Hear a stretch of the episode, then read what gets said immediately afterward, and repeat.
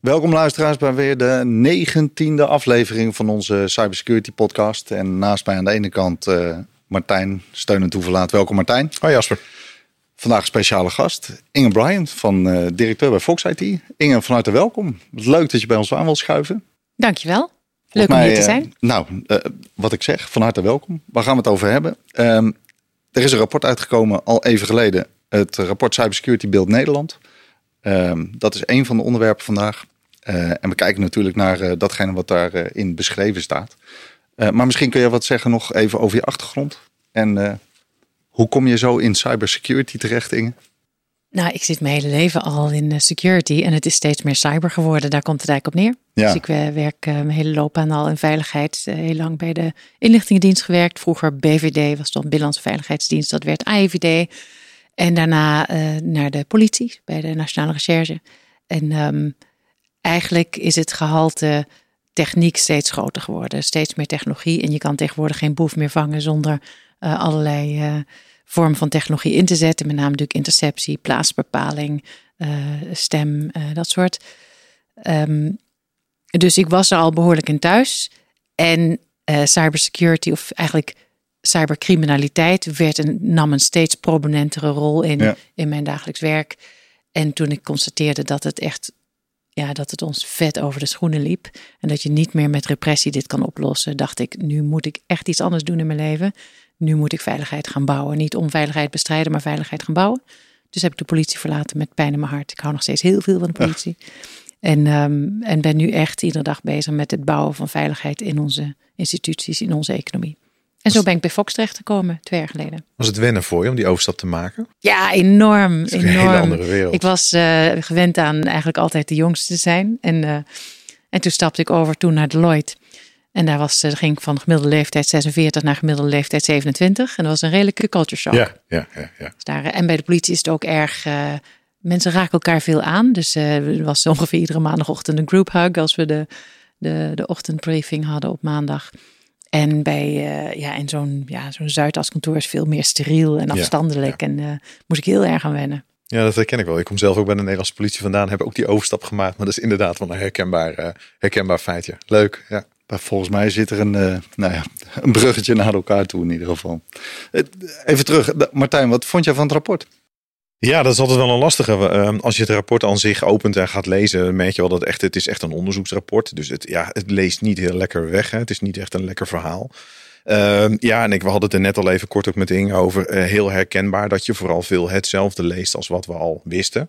In dus de jaren dat het uitgegeven wordt. Nou ja, er zit weinig ja. vernieuwends in. Ik denk ook ergens dat dat logisch ook is. Hè, want we zien ook heel veel dezelfde dingen. Alleen ja, dat maakt het wel een lastig rapport om, uh, om even doorheen te worstelen in die zin. Ja. Is dat ook jouw ervaring, Inge, of niet? Nou, ik denk dat Cybersecurity Beeld Nederland wordt uitgegeven om de eh, awareness te vergroten in de samenleving. En zo breed mogelijk. Uh, daar slaagt het denk ik goed in. Dus het is per definitie een beetje in algemene termen gesteld. En er zit natuurlijk ook, het wordt geschreven op basis van informatie die ze halen in de publieke sector en de ja. private sector. En een deel daarvan uh, wordt natuurlijk niet uh, gepubliceerd. Dus ze weten altijd meer in detail dan, dan erin staat. En ehm, ja, tegelijkertijd denk ik, ja, het, het, het zal wat oppervlakkig blijven. Het is niet iets wat ik uh, gretig lees ieder jaar. Dus nee, is dat een gemis eigenlijk, vind je dat? Een gemis, dat er te de ja. in verhouding te weinig in staat? Nou, weet je, de vraag is wat daar de plaats voor is. Dit is echt grote uh, publiekscommunicatie. Ja, ja. dus dan denk ik dat dat prima is. Want uh, ja, het kan best wel... cybersecurity heeft het beeld dat het al vrij snel ingewikkeld wordt of technisch. En um, iets toegankelijk brengen voor een groot publiek, dat is al een kunst op zich. En natuurlijk zijn er wel specifieke uh, overleggen en, uh, en uh, zeg maar clubs waar je bij kan aansluiten, ook vanuit het Nationaal Cybersecurity Centrum gemanaged, waar je wel toegang tot, kan ja. krijgen tot meer specifieke informatie. En dan nog vind ik dat we dat natuurlijk veel meer moeten doen. Ja. Wat mij betreft ja. is alle informatie die dit aangaat open en moeten we meer delen. Gebeurt ook gelukkig op veel fronten. Gelukkig komen we straks nog even tegen informatie delen, want dat blijft altijd wel een belangrijke belangrijk onderwerp. Absoluut. Nou ja, wat onze conclusie een beetje was, is dat met name de, de, de aanvallende kant wat, wat efficiënter, wat verder is. Potentieel lijkt het wel in de ontwikkelingen uh, in, in tegenstelling tot de verdedigende kant. Ervaar je dat ook ja, zo? Ik denk dat uh, dat is de aard van criminaliteit. Criminaliteit uh, is het, het zeg maar met een negatief doel gebruiken van de systemen die wij in het leven roepen. Ja. Dus is er altijd, lopen ze altijd voor. Wetgeving loopt per definitie altijd achter, want wetgeving is eigenlijk gestolde normen en waarden. En daar, daar zit altijd een vertraging in. En als het gaat om, om cybercrime, ja, wat de dynamiek daarin is, denk ik dat um, degene die de aanvaller kan dat doen op een, een niet specifieke uh, geografische plek, dus op, op een locatie uh, en een tijd die niet overeenkomt met zeg maar dader-slachtoffer. Het is niet zoals er wordt een overval gepleegd, dan weet je, dan heb je één locatie, je hebt een duidelijke, je hebt een dader en een slachtoffer en je hebt een tijd waarin het plaatsvindt. Ja. En in cybercrime zijn die, die concepten totaal in flux. Dus dat maakt het heel moeilijk om vanuit de verdedigende kant om uh, bij te blijven. En vanuit de aanvaller is het heel makkelijk. Je kan gewoon op je zolderkamertje zitten, twintig aanvallen simultaan uitvoeren. En dan kijk je gewoon waar je binnenkomt en ga je daarop verder. En daar, uh, ja, dat, dat maakt de verdediging wel heel lastig. En wat ook wel een rol speelt, denk ik, is dat de mate van arbeidsdeling enorm hoog is aan de criminele kant. Dus letterlijk de een is goed in een klein stukje techniek en die combineert dat dan met bijvoorbeeld iemand die goed is in het converteren van geld van digitaal naar, uh, naar uh, analoog geld, zeg maar, of giraal geld. En, en, dan weer tot en met een afzetmarkt.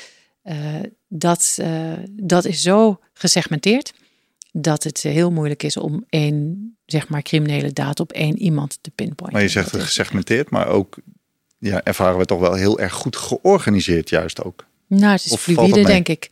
Het zijn fluïde netwerken. Dus het zijn gelegenheidscoalities van mensen die elkaar vinden, uh, die elkaar in persoon vaak meestal nooit hebben ontmoet. Die erg letterlijk op de darknet een bepaalde vaardigheid van iemand interessant vinden, want dat past mooi bij wat ze willen gaan doen. En uh, ze hoeven elkaar ook nooit fysiek te ontmoeten. En, en, en dat vind ik wel interessant aan de criminele arbeidsmarkt, is dat die puur op basis van vaardigheden is. En eigenlijk heel ja, eigenlijk zo zou eigenlijk iedere arbeidsmarkt moeten zijn. Hè? Het is heel egalitair. Het gaat niet om je postcode, om je huiskleur, om je achternaam. Het gaat echt om wat je kan. En dat brengen ze bij elkaar. En ze laten elkaar weer los zodra er een klus is geklaard. Dus dat, um, daar kunnen we met z'n allen van leren als het gaat om agility. Maar dat zie je natuurlijk ook heel mooi terugkomen. Hè? Natuurlijk een hoop van die chatfiles, van die ransomware groeperingen gelekt steeds, waar je heel, uit, heel goed uithaalt. Uh, dat de ene een stukje malware inkoopt van de ander, een stukje van de winst weer afdraagt naar de een. En zo uh, al die expertise eigenlijk bij elkaar pakken om gewoon een heel sterk product neer te zetten. Uh, en vervolgens versplintert het weer en dan gaan ze eigenlijk weer een nieuwe samenwerking aan. Dus dat is wel heel mooi om te zien dat daar uh, dat georganiseerde bijvoorbeeld heel erg naar voren komt. En ze vragen ook ratings. Hè? Dus hun criminele diensten worden gewoon beoordeeld. Ze hebben gewoon klantenbeoordelingen. Ze vragen of ze hebben klanttevredenheidsonderzoekjes doen. Ze kunnen ouderwets kudos sparen. Ja, het is een beetje de Yelp van de onderwereld, denk ik. ja. Dat is fascinerend. Hey, die ketens hè, waar we het dan over hebben, wat zijn dat voor ketens? Want er zijn er natuurlijk best wel een hoop in, uh, in het nieuws geweest uh, de afgelopen periodes. Ja, ik denk als je kijkt naar ketens is het natuurlijk een heel breed begrip. Maar in theorie, als jij als organisatie werkt met partijen die iets bij jou doen of toeleverancier zijn in wat voor mate dan ook, dan heb je het natuurlijk eigenlijk al over een keten. Als je echt kijkt naar cybercrime, zie je natuurlijk in de keten. Uh, we hadden het net even over de Kaseya-hack bijvoorbeeld als voorbeeld. Ja zag je natuurlijk heel mooi dat ze misbruik kunnen maken van iets wat op grote schaal bij andere partijen gebruikt wordt. Dus ergens toegang tot partij A zorgt ervoor dat je de partij B, C, D daarachter misschien als slachtoffer kunt gaan, uh, uh, gaan pareren. Ja, en dan is zo'n keten voor zo'n aanval natuurlijk heel waardevol. Misschien een makkelijke ingang naar heel veel erachter. Dus dit zijn de interessante routes om te bewandelen eigenlijk voor die, uh, voor die criminele partijen uiteindelijk. Ja, eigenlijk um, uh, software dat toegang heeft tot, tot vele, uh, vele organisaties. Ik vind SolarWinds altijd een heel mooi voorbeeld. Keurig softwarepakketje, 18.000 klanten. En, en, en als je ergens software koopt, dan werkt het natuurlijk zo dat je dan updates krijgt van een leverancier. En als je kan binnendringen en je kan in die updates vervolgens iets meesturen, dan heb je dus het proces al gepasseerd bij een klant waar wordt gecheckt of het wel veilig is. Denkt iedereen, nou dat is prima. Maar vervolgens komt via de update kan er toch allerlei ellende binnenkomen. Dus dat is een heel effectieve aanval ja, is dat eigenlijk. Dat is echt ja. Uh, heel, heel indrukwekkende operatie en uh, heel negatief natuurlijk. Maar wel als je, als je probeert te leren, en zo kijk ik ook naar, naar cybercrime, proberen te leren van de werkwijze en dat vertalen naar hoe we ons daartegen moeten verdedigen. En, daar, uh, en dan zie je ook de term ecosystemen steeds vaker uh, naar boven komen. Het is niet alleen de keten van leverancier aan een derde partij, dus er zijn natuurlijk veel bedrijven mee bezig met een uh, third-party management, wat ook echt heel belangrijk is om daar heel, heel scherp op te zijn. Maar ook ecosystemen in wat zijn de onderlinge afhankelijkheden. Bijvoorbeeld in de gezondheidszorg, in de cargo-afhandeling van een haven. Zo zijn er allerlei waar je het hele proces eigenlijk in kaart kan brengen. Waar, waar, waar, zwakke plekken in kunnen zitten. Nou, je ziet het inderdaad breder, hè? sectoraal, maar ook, ook uiteindelijk landelijk. Dat is eigenlijk waar je het over hebt die kant op. ja, nou ja, landelijk, internationaal ligt een beetje aan hoe je het definieert. Wat ik wel interessant vind is dat uh, er zijn nu op vrij korte termijn twee staten achter elkaar gehackt. Hè. Dus Costa Rica, ik vergeet even de naam van die tweede.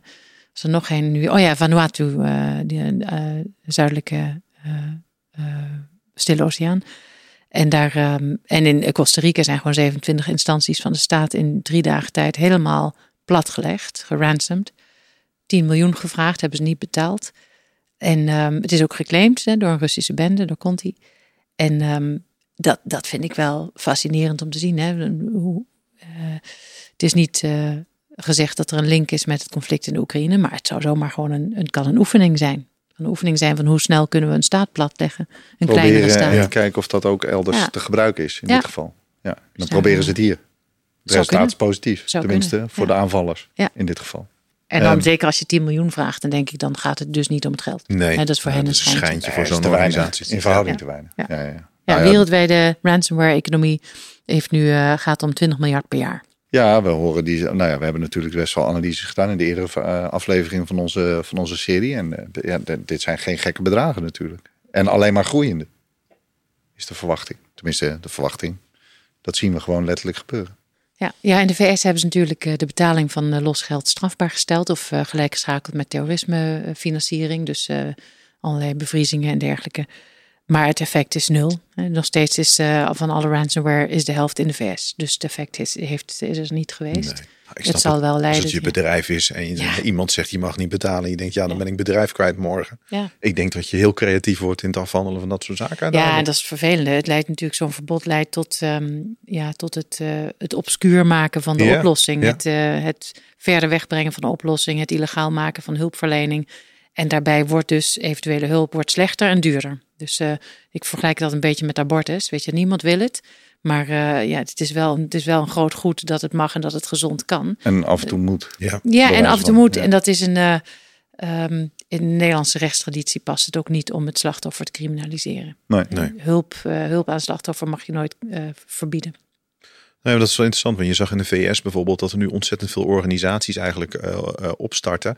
Die dus bedrijven uh, helpen bij het regelen van die ransomware betalingen. Waar je natuurlijk ook weer het vraagstuk krijgt van ja, hoe verdienen die ergens ook weer hè, met een stukje fee van degene die uiteindelijk de aanval uitgevoerd heeft, weer geld. Nou, dat is natuurlijk een hele ja. nieuwe markt geworden voor ransomware bemiddelaars. Ja. Los van de incident response, die vooral natuurlijk technisch van de aard vaak is. Maar dat er gewoon organisaties zijn die de financiële kant voor je afhandelen. Ja, daar worden ook wel wat, uh, ja. wat serieuze nou, vraagtekens en, bij gezet. Wat ik heel kwalijk vind is dat uh, bitcoin brokers, die vragen trouwens ook in Nederland 5% uh, transactiekosten. Ja, die zien je graag betalen. En ja, ja, dus die, zijn, die houden het ook een beetje in stand. En je ziet uh, uh, onderhandelaars, want er worden natuurlijk uh, onderhandelaars op ingezet in de VS, die, die ook tot 10% van de 10% van de reductie van het, van het gevraagde ransom als fee vragen. Nou, dat zijn wel echt hele forse bedragen. Dus daar kan je inderdaad afvragen waar ligt de incentive. Nou, volgens mij uh, voldoende om uh, zo meteen even op door uh, te gaan. En met name dan het risicobeheersend aspect daarvan. Dus graag zo meteen terug in deel 2.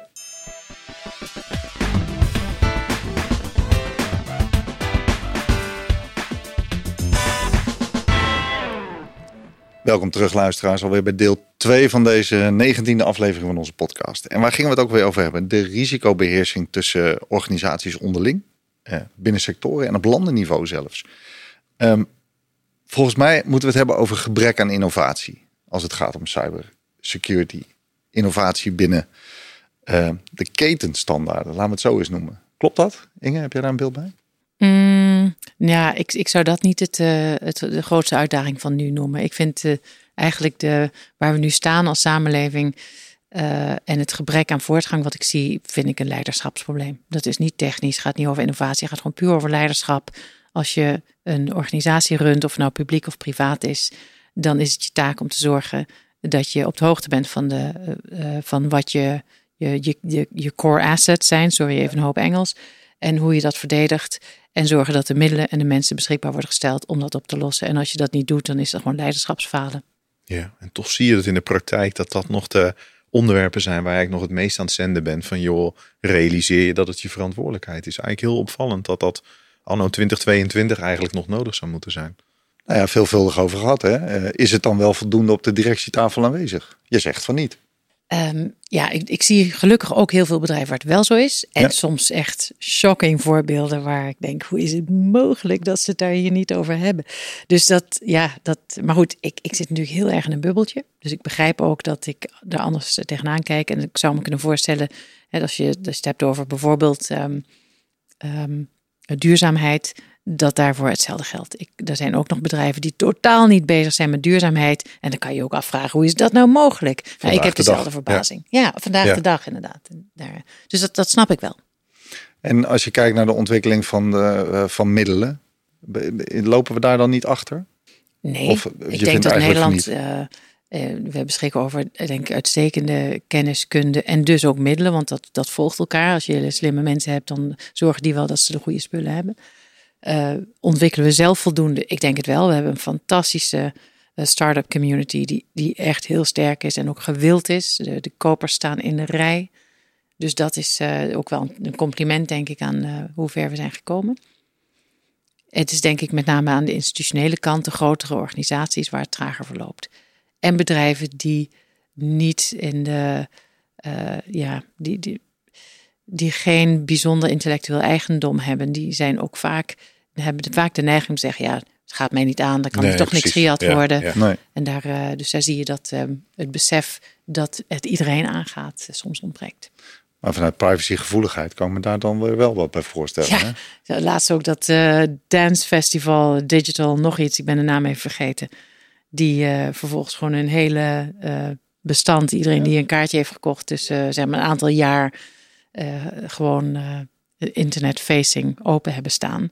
Terwijl het niet eens een actieve, uh, actief iets is. Hè. Je had het niet, ze hadden die data niet nodig voor het event van dat jaar. Het was echt oude informatie. Maar ja, persoonsgegevens, iemands adres en telefoonnummer. Ja, dat is, ja, maar dat, dat, is, dat, is, dat is ook.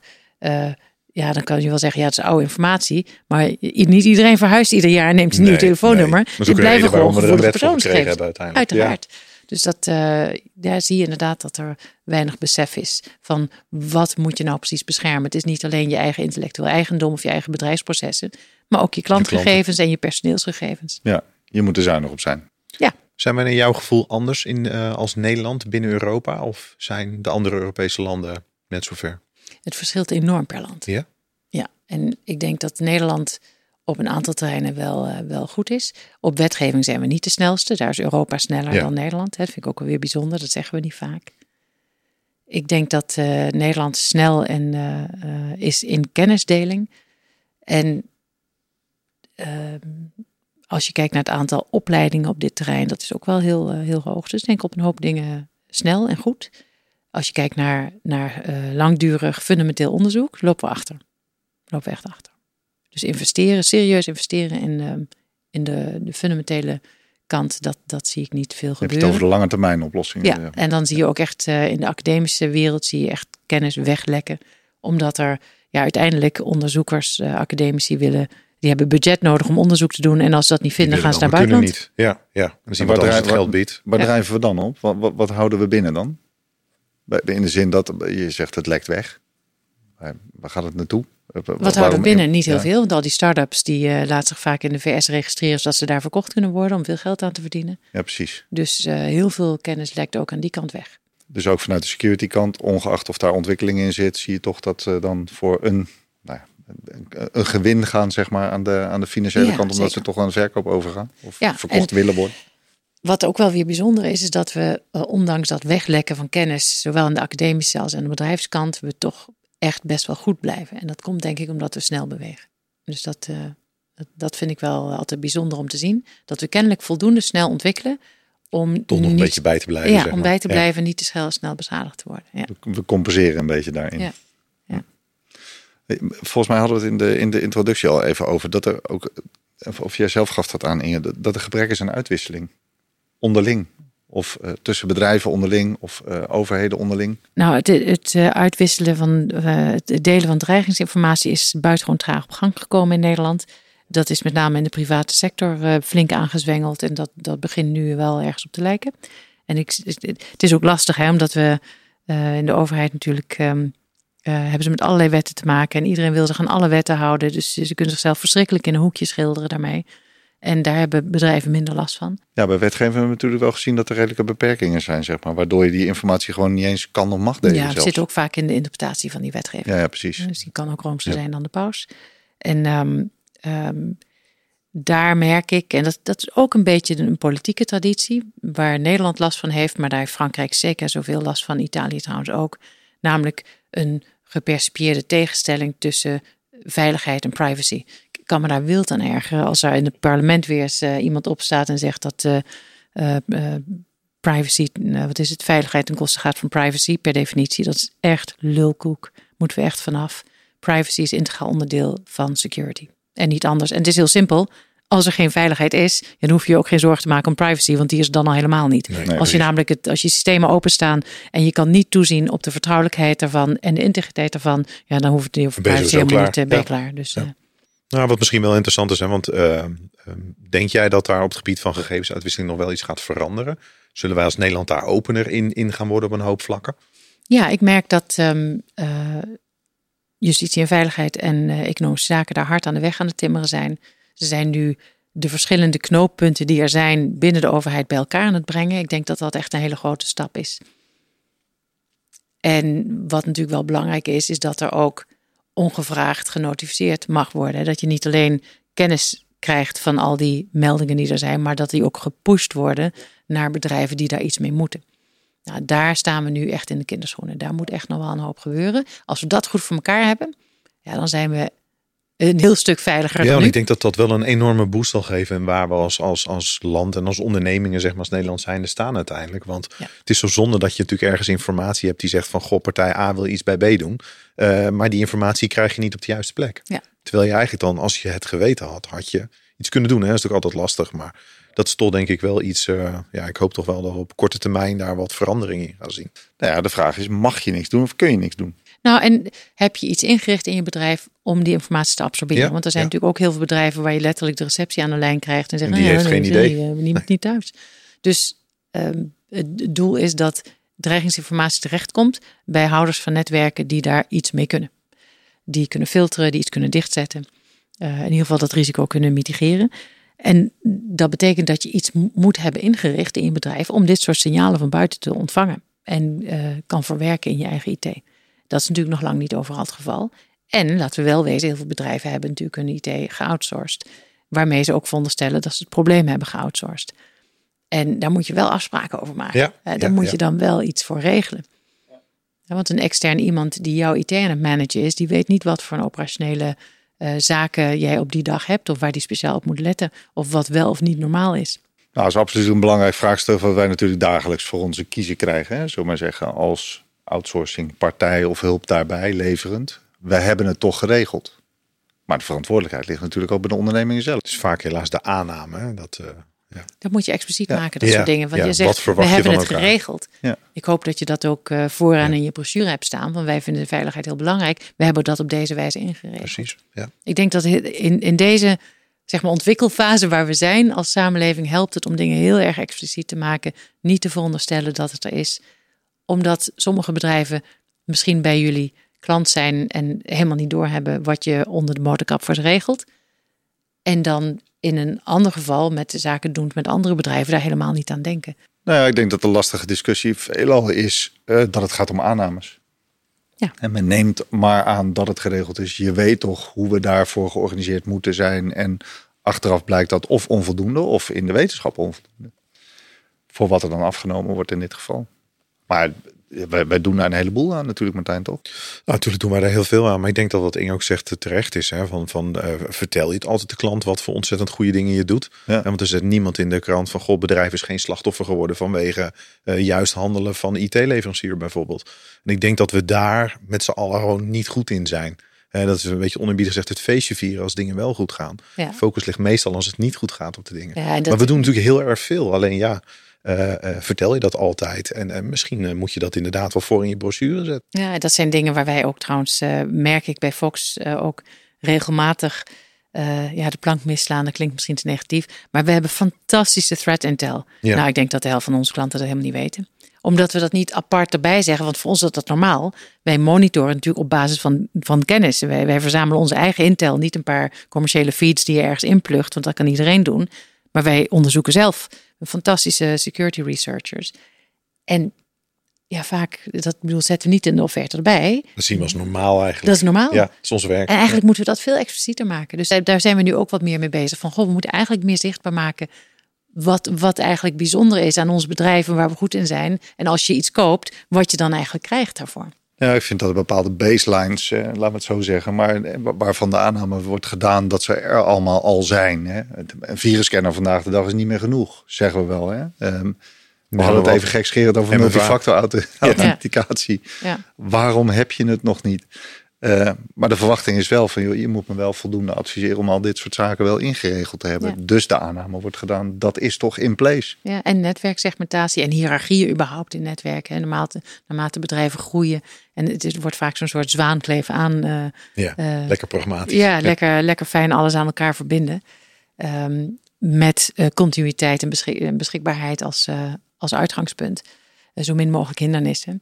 Ja, dat zijn dat is een recipe voor disaster. En dat zijn wel, wel de, dit hoe moet tot de standaard behoren, dat je op een gegeven moment daar brandgangen tussen zet. Nee, volgens mij hebben we genoeg munitie om, uh, om dit soort adviezen zeker te geven. En dat is nou ja, wat, wat, wat ook jij dagelijks doet natuurlijk. Ja, maar dat is denk ik ook wel een van de belangrijke dingen. Dat je het blijft zenden. Hoe uh, ja, logisch het ook klinkt dat je het al zou moeten hebben. Ja.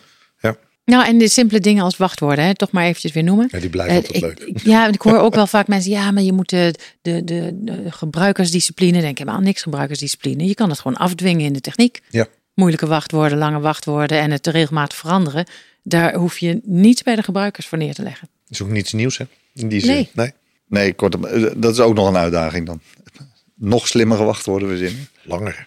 Langere wachtwoorden. Ja, het nou, gaat natuurlijk ook om het inzetten van middelen Ehm, die, uh, die ook een antwoord geven op de, op de dreiging die er is. En dus dat is een heel breed scala aan instrumenten dat je kan inzetten. En de truc is natuurlijk om de juiste mix te hebben. En daar met een professional over te praten. Van, joh, op dit niveau, uh, deze omvang IT, deze complexiteit, zou je deze maatregelen moeten treffen. En dan zijn er een paar, uh, paar vuistregels. Hè. De netwerksegmentatie noemden we al, twee-factor authenticatie. Uh, fatsoenlijk identity en access management. Nou, als je dat al goed voor elkaar hebt, dan ben je al heel eind op weg. Hè? Ja. En, uh, en ik zeg ook altijd wat ik ook uh, thuis tegen mijn kinderen zeg: ruim je rommel op. IT die je niet meer gebruikt, decommissionen, moet er ja. echt uit. Dus Goed alles weg, wat ja. he, vanuit aanvallersperspectief de aanvalsoppervlakte vergroot, daar moet je echt, uh, daar moet je, daar moet je zo klein mogelijk houden. Daar moet je heel, heel bewuste keuzes in maken. En vooral niet, niet laten rondslingeren zonder, zonder adequate beveiligingsmaatregelen. En dat geldt trouwens ook voor data. Hè. Dat is toch een beetje data minimalisatie. En dat vraagt de AVG ook, de algemene. Uh, uh, hoe heet het, de ja. verordening. Dat was ja. het algemene verordening. Afkorting ontbreekt het niet ja. in cybersecurity land. Die, um, dat je alleen maar dingen vastlegt, omdat je een bepaald doel hebt om ze voor vast te leggen. En dat vergeten mensen wel eens. Hè? Dus als, als het bijvoorbeeld gaat in de medische termen over, um, over een populatie. En het gaat over infectieziekten, om maar iets populairs van nu te noemen dan zijn leeftijdscohorten relevant. En hoef je dus niet om iemands geboortedatum te vragen, want dat is een identificerende factor. Ja. Niet doen, ja. gewoon leeftijdscohort, iemand laten aanvinken. Dat soort dingen, dat moeten we echt gaan leren. Een postcode kan ook gewoon alleen het getal zijn, hoeft niet het huisnummer bij. Weet je? Ja, dus als je iets, eh, dat soort dingen, veel bewuster uh, kiezen welke data leg je vast. Uh, heeft dat een direct doel? En als, je, als het geen doel dient, weg ermee. En maar als die je ermee klaar bent, weg ermee. Natuurlijk die bewustwording is er echt niet, hè? Nee. Nee. Het mooie is dat je natuurlijk ziet, we hebben een, een wet ervoor gekregen. En, en, en, nog steeds een aantal jaar verder sta je eigenlijk nog op een ja, beginpunt. Volgens mij is ons uh, evangelisatieproces nog niet voorbij uh, nee, in, dit, nee, uh, in dit geval. Gelukkig, hè, dan hebben wij ook nog werk. Zo is dat. Nee, maar heel interessant. En natuurlijk denk ik dat we gedijen bij, bij het kunnen en mogen geven van dit soort adviezen. Maar nou ja, we hopen er ook wel heel erg indringend op dat men ook luistert en ook regelmatig dit soort adviezen wel overneemt. Ja, maar dat gebeurt ook echt. Dat gebeurt echt. Ja. Ik zie heel veel goede dingen Ik zie mensen echt vol aan de bak. Ik zie heel veel jonge mensen die echt die toetreden tot onze mooie sector. Ja, het is echt. Gelukkig. ja, er gebeurt echt. Hebben er zoveel nog nodig? Zeker, we hebben er heel veel nodig en er gebeuren goede dingen. Nou, volgens mij voldoende om het zo meteen nog even verder te hebben over collectieve veiligheid. En dat doen we dan in deel 3 van deze aflevering. Tot zo.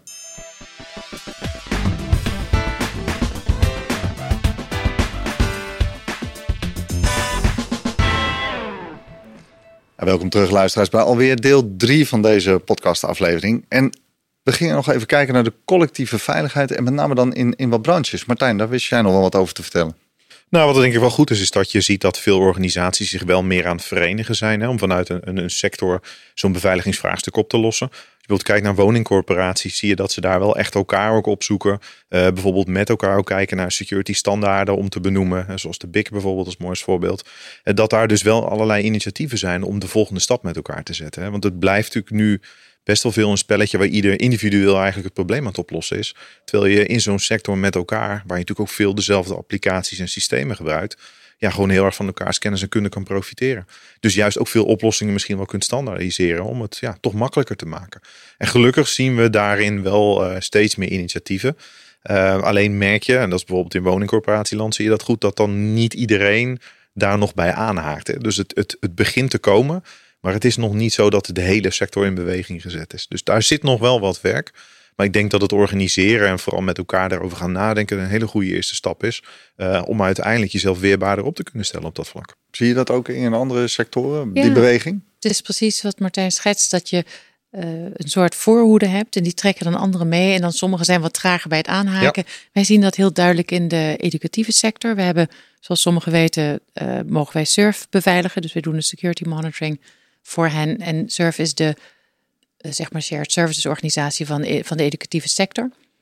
En het heeft ook echt zin om dit gezamenlijk te doen. Want in security monitoring kijk je natuurlijk naar een bepaald gebruikerspatroon. En dat is natuurlijk, ja, dat kan je specifiek maken voor een academische omgeving. Een hele open, laagdrempelige organisatie. En dat is natuurlijk wezenlijk anders dan bijvoorbeeld een, uh, ja, noem een uh, ASML-achtige firma of Albert Heijn-achtig. Dus het, het, ja, heel plat gezegd, inkopen, gezamenlijk inkopen van veiligheidsmaatregelen heeft ook echt zin. Het heeft echt zin. Wij moesten er ook van leren. Het was natuurlijk, hè, we zijn daar uh, twee jaar geleden mee begonnen. Maar je leert daar heel veel van. En dat is dus ook schaalbaar. Het heeft zin om dat te doen. En zo zijn er meerdere ja, ecosystemen, noem ik het maar, waar je dat in kan doen. En uh, even de historie in. Wat ik heel mooi vond in 2003, dat is alweer bijna twintig jaar geleden, jongens, jongen, jongen. Ja, het, um, 2003 heeft de, de CISO destijds van Rabobank, Wim Hafkamp, uh, de eerste, ja, het eerste collectief opgezet om dreigingsinformatie te delen in de bankaire sector. Ze, hebben dus begon, ze zijn begonnen met de grote banken, later eigenlijk alle banken daarbij. En eigenlijk zeg je dan als sector, wij stellen het delen van dreigingsinformatie boven ons commerciële belang. Dat is een hele grote stap. Ja, ja, En dat vind ik hartstikke mooi dat, uh, dat banken dat hebben gedaan. En moet je voorstellen, in, in, niet alle sectoren gaat dat even, even soepel. Het heeft ook lang geduurd voordat er volging kwam. Maar nu zie je ook dat de pensioenfondsen, de verzekeraars, die gaan ook allemaal die kant op. En dat is hartstikke mooi. Dat is echt een goede ontwikkeling. Het is echt heel principieel. Wij zeggen, wij gaan niet hierop elkaar beconcurreren.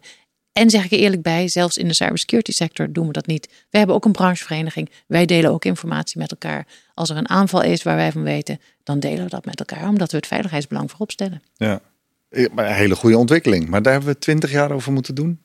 Zorgelijk. Ja, daarom noem ik het ook even. Als je nadenkt over hoe, hoe lang doen we over dit soort, ja, ja eigenlijk zakelijk culturele Makkelijke stappen. Makkelijke dingetjes eigenlijk. Relatief makkelijk. Doen we lang over. Doen we echt lang over. Eh, is de beweging vandaag de dag anders? Zie je dat? Nou ja, wat je zegt, het, het gebeurt steeds meer, hè, maar dat zou er een exponentiële groei moeten met zich mee moeten. Ja, dat zou je denken, maar dat is niet, het, dat geval. is niet het geval. Nee. nee.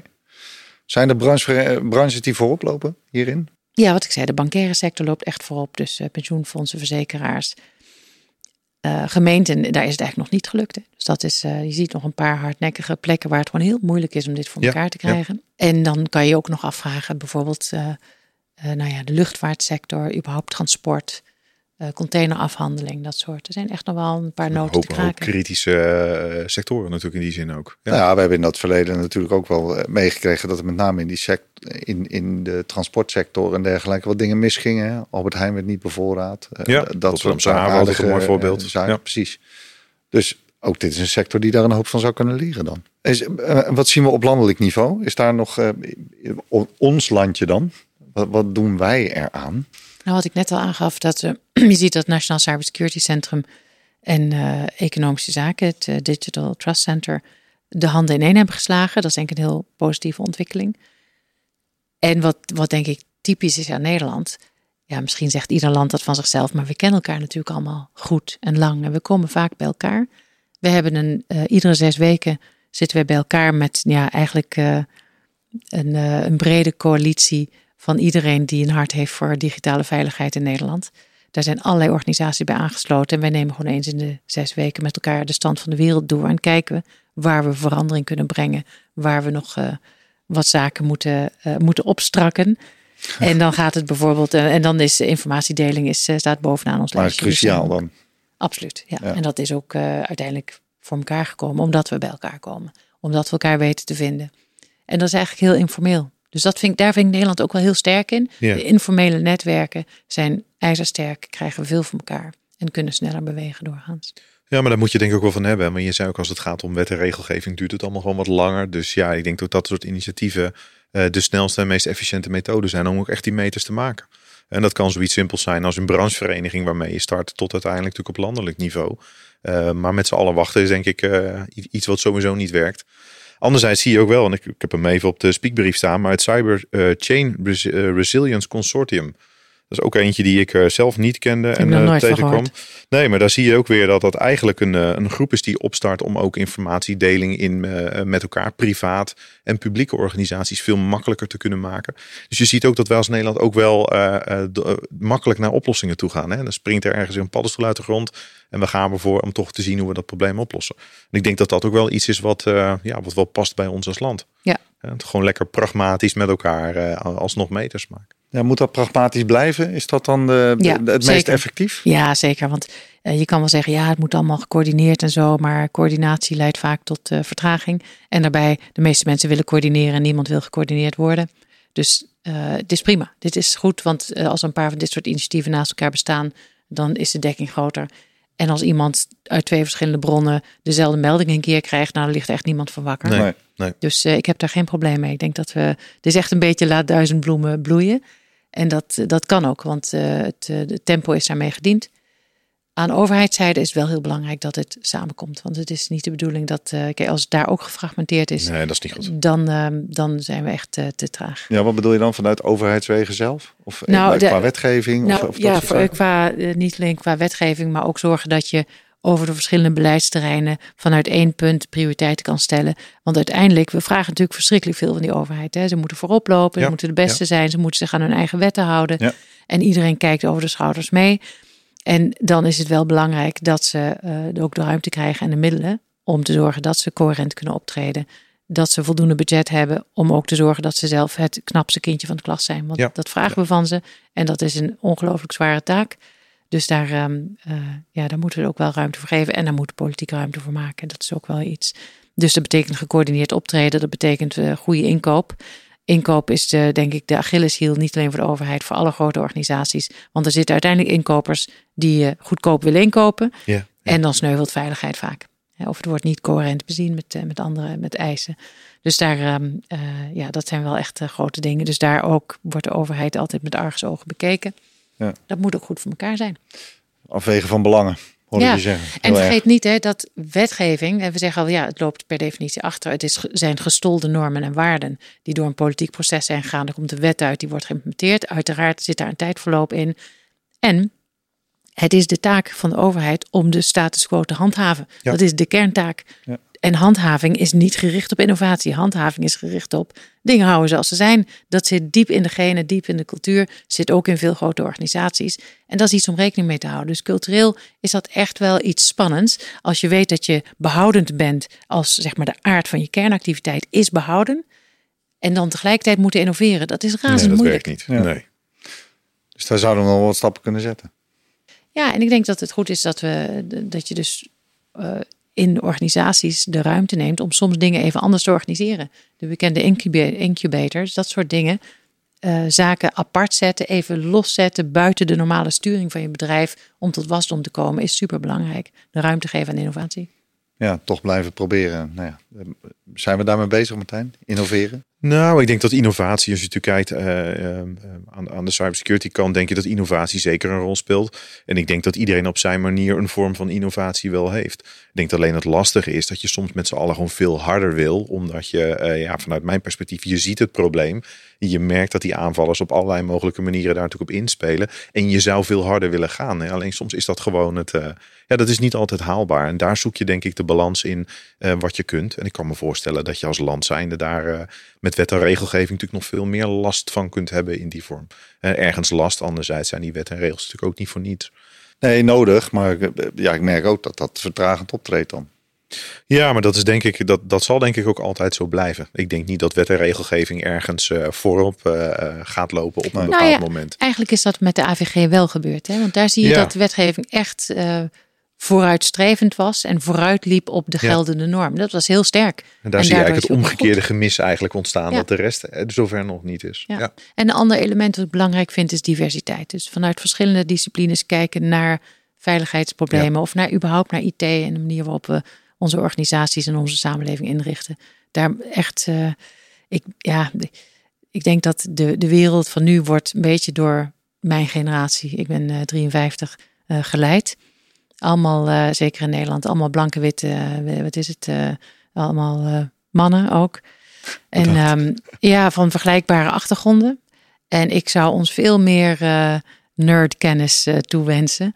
En gewoon andere disciplines, andere, andere kijk op het leven. Veel meer leeftijdsdiversiteit vind ik wel belangrijk. Hè? Dus we hebben een bestuur van Fox, we zijn met z'n achten. We zitten, liggen twintig jaar uit elkaar in leeftijd.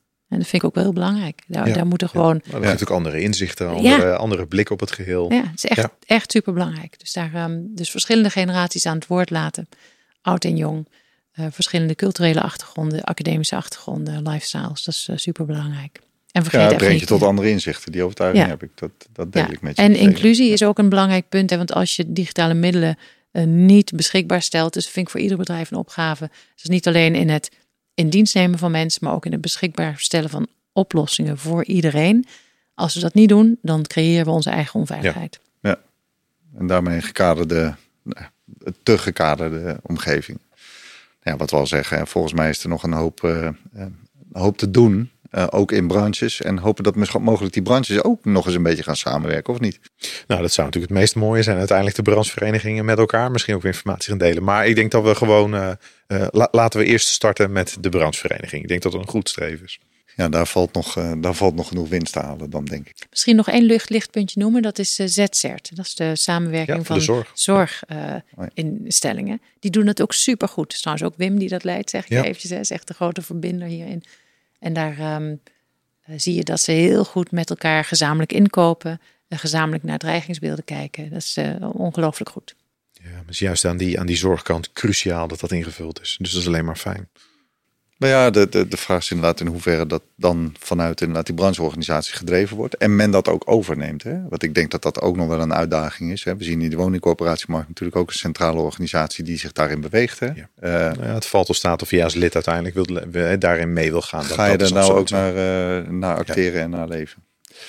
Ja, volgens mij hebben we deze aflevering een hele hoop geleerd en een hele hoop besproken. En uh, ja, ik zou zeggen, op naar de volgende aflevering. Um, Martijn, dankjewel voor je aanwezigheid. En speciaal natuurlijk uh, Inge, fantastisch dat je hier aanwezig was. En uh, voor je duidelijke verhaal en uitleg. Dank voor de uitnodiging, superleuk. Luisteraars, heel erg bedankt en uh, graag tot de volgende aflevering.